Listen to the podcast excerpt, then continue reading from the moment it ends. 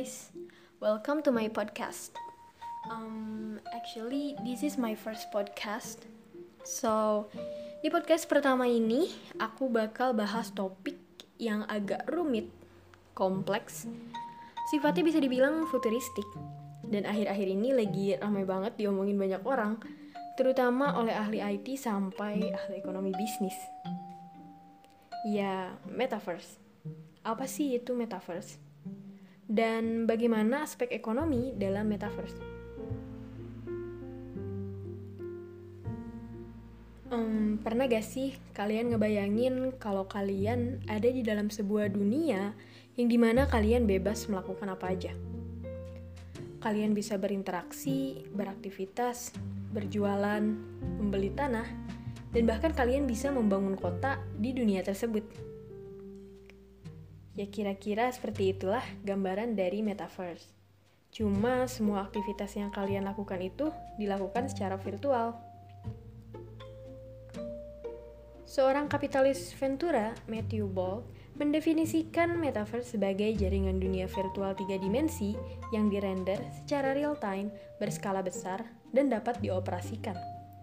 Ini dapat terjadi secara terus-menerus oleh jumlah pengguna yang tidak terbatas dan dengan kontinuitas data seperti identitas, sejarah, hak, objek, komunikasi, dan pembayaran. Jadi sederhananya, metaverse itu merupakan dunia virtual, dunia digital yang saling terhubung yang di mana pengguna bisa melakukan segala macam aktivitas dan berinteraksi secara real time menggunakan avatar digital di dalamnya. Oke, sampai sini gimana? Pusing nggak? Atau bingung? Gini deh, kalian tahu Zepeto kan? Uh, atau Roblox? Nah, kira-kira metaverse kurang lebih kayak gitu. Di sana kita menciptakan avatar 3D kita sendiri sebagai representasi diri kita dan kita juga memainkannya untuk hidup dan berinteraksi dalam dunia virtual.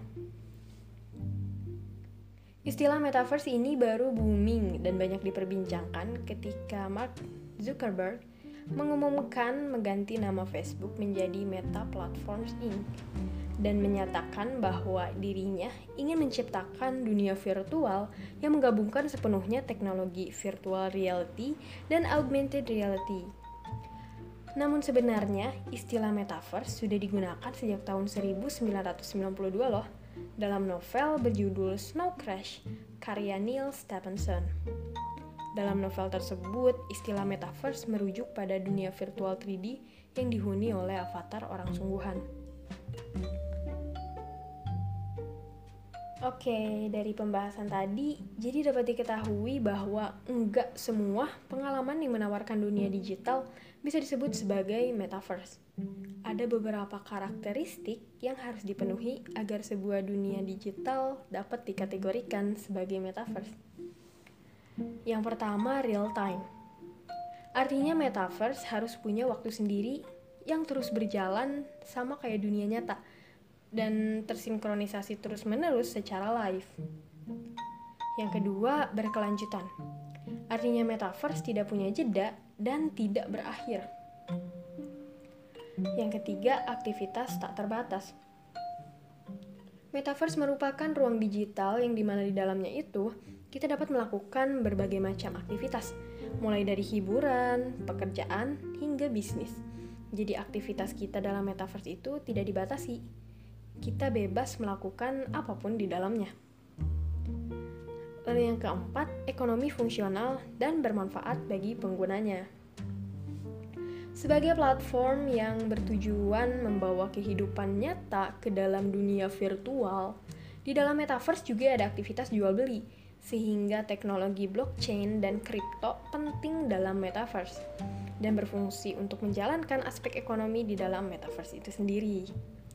Buat yang belum tahu apa itu kripto, jadi kripto itu adalah mata uang digital yang cuma ada dan bisa dipakai di dunia maya.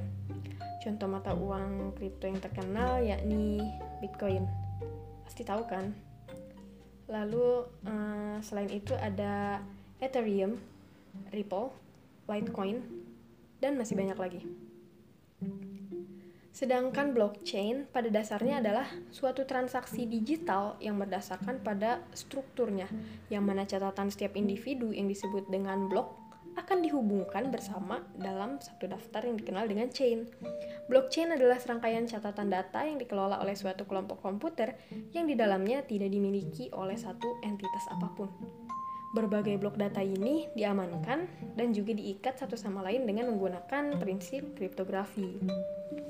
Nah, si kripto dan blockchain inilah yang memastikan keamanan transaksi dan perlindungan data seiring dengan perkembangan model ekonomi play to earn di berbagai game berbasis metaverse dan juga aplikasi lainnya.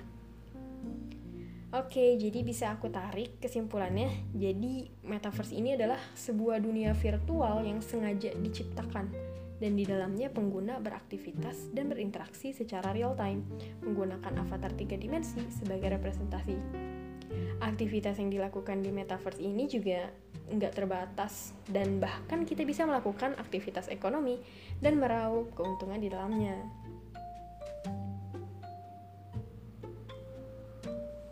Wah, ini baru podcast pertama gue, tapi bahasanya udah cukup rumit ya.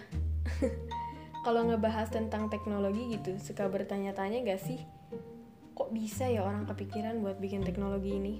Kok bisa ya orang kepikiran buat bikin teknologi itu? Dan aku sendiri sering kali dalam waktu tertentu gitu baru menyadari kalau aku tuh hidup di zaman semodern semodern ini gitu loh. Kayak wah ya kayak metaverse ini aja kepikiran gitu ya buat bikin suatu dunia suatu semesta baru gitu. Dan kita bebas ngelakuin apa pun di dalamnya ya meskipun secara virtual sih Padahal kan kalau dipikir-pikir aktivitas yang dilakuin di metaverse yang secara virtual itu pasti kurang lebih sama gak sih kayak di real life? Ya, pokoknya segitu dulu mungkin ya buat podcast kali ini. Makasih udah dengerin podcast ini sampai akhir. Hope you guys enjoy. Sampai jumpa lagi di lain kesempatan.